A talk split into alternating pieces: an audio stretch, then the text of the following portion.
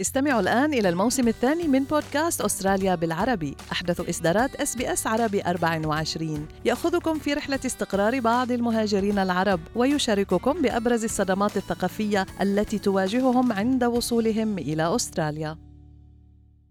أنتم برفقة SBS عربي 24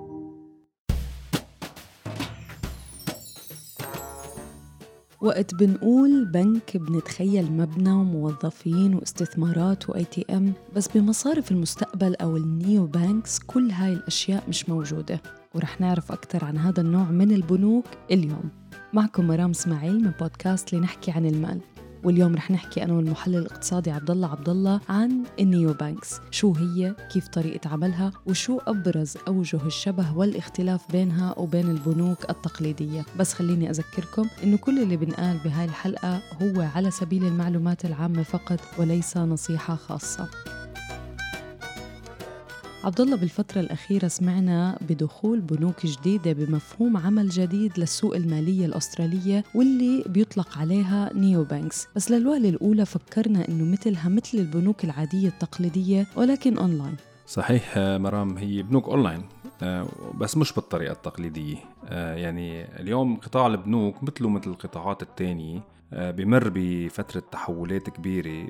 يعني أساسها هي تطور تكنولوجي وخاصة هون نحن عم نحكي على التكنولوجيا المالية أو ال fintech. اليوم ال neobank بعالم البنوك إذا بدنا هيك نبسطها مثل ال Uber بعالم التاكسي وال Airbnb بعالم السياحة والفنادق. مش الخدمة بحد ذاتها مرام هي الجديدة.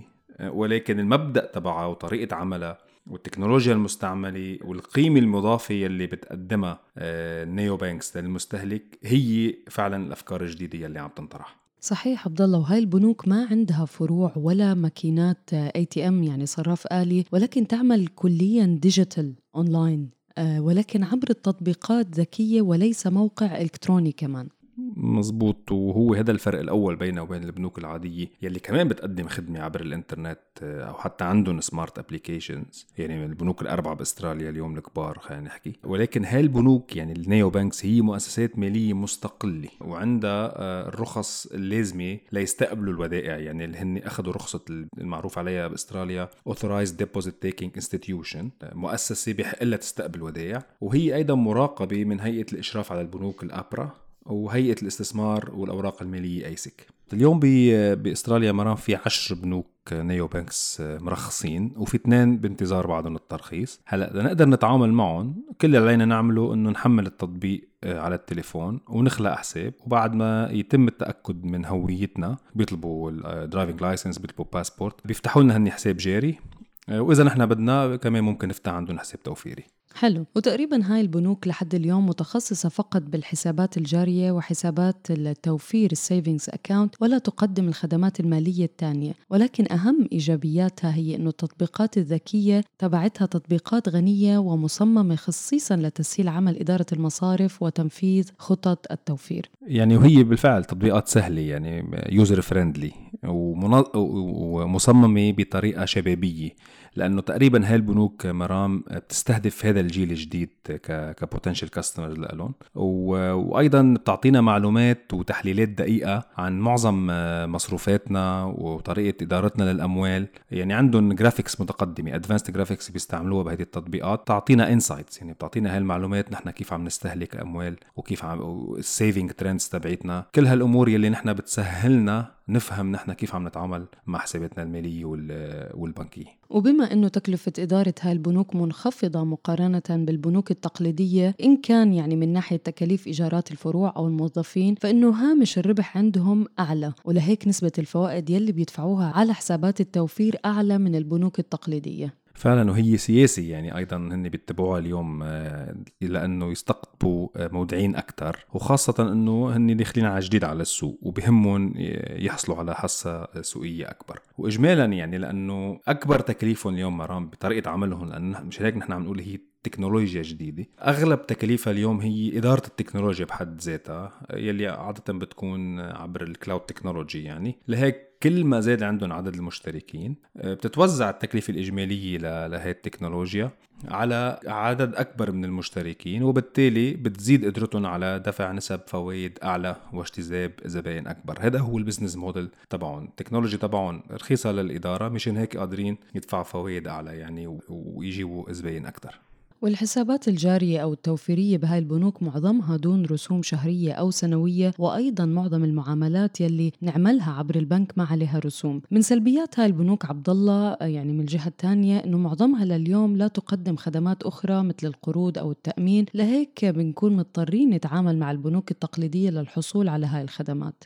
صحيح هلا بس خلينا نقول مرام إنه اليوم ما في شيء بيمنع هاي البنوك إنها تقدم معظم الخدمات المالية الثانية أو المصرفية الثانية مثل القروض بطاقات الائتمان التأمينات وغيرها. بس آه، مثل ما قلنا هن بحاجة لأعداد أكبر من المودعين قبل ما يقدروا يدخلوا بعمليات الأقراض والتأمين بشكل واسع. لهيك اليوم من المتوقع بالمستقبل إنه تقدر هيدي البنوك تنافس البنوك الأخرى آه، بشكل آه، يعني بشكل على صعيد أوسع. وهذا الشيء بطبيعه الحال يعني مرام لصالحنا كمستهلكين لأنه نحن بهمنا كل ما زادت المنافسة الحقيقية بين البنوك كل ما استفدنا أكثر وقدرنا نحصل على عروض بتناسبنا أكثر صحيح عبد الله ومعظم هاي التطبيقات تعمل مع خاصية ال Apple Pay وال Google Pay لنقدر نشتري فيها أغراض وإذا طلبنا ممكن يبعثوا لنا كمان debit card اللي هي تقليدية يعني إذا ما كنا من محبي ال Apple Pay أو ال Google Pay بس أنا شايف المعظم صار عم بدفع بتليفونه يعني أو أونلاين عن طريق هاي الأشياء. صحيح آه، يعني لأنه للسهوله يعني هي مثل ما عم نقول هيدي بيستهدف مرام الجيل الجديد يلي ما عنده مشاكل باستعمال هالانواع من التكنولوجيا. وإيراداتهم لهالبنوك بتعتمد بشكل كتير كبير على هاي الرسوم يلي بيحصلوها من البنوك التقليدية والتجار يعني جراء استخدام المشتركين تبعهم لخدمة الدفع الإلكتروني عبر ال tap and go أو ال Google Pay و Apple Pay وكمان بيفرضوا رسوم مرتفعة على المشتركين إذا سحبوا كاش من ATM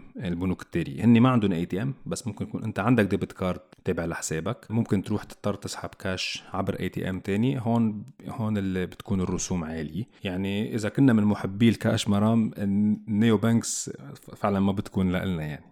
هلا آه، من الأمور يلي ممكن تكون كمان سلبية للبعض غير قصة ال ATM والكاش إنه هاي البنوك ما عندها فروع. يعني ما في حدا ممكن يحل لنا مشكلتنا face to face يعني نحن زمان محبين إنه نروح على البنك ونشوف نحل مشكلتنا أو نفتح طلب أو نقدم طلب face to face هاي البنوك ما عندها هاي الفروع. يعني مثل ما قلنا بالبداية هي مبدأ جديد بيستهدف خاصة الجيل الجديد مرام. آه الجيل يلي بيحب الموبايل و smart applications وكل هالأمور الجديدة بطريقة الدفع. صحيح عبد الله. يعني ويمكن البعض منا يقول لك لا خليني مع بنك أقدر أتعامل معه وجه لوجه أو أحكي مع حدا. يعني human interaction أحسن لي. ولكن إذا حابين مستمعينا تجربوا ال neo banks فبإمكانكم تحميل التطبيق مثل أي تطبيق تاني. وأكيد هدفنا من من موضوع اليوم هو تنويركم بالخدمات المصرفية أو المالية الجديدة الموجودة من حولنا في أستراليا. إذا كانت بتناسبكم أكيد وعندكم interest إنكم تعرفوا عنها أكثر عشان هيك طرحنا الموضوع. خليكم معنا دائما مع بودكاست لنحكي عن المال لنغطي هاي المواضيع ومواضيع تانية عديدة بتهم حياتكم المالية والعملية في أستراليا.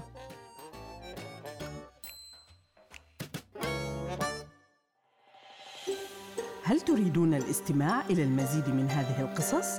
استمعوا من خلال أبل بودكاست، جوجل بودكاست، سبوتيفاي أو من أينما تحصلون على البودكاست.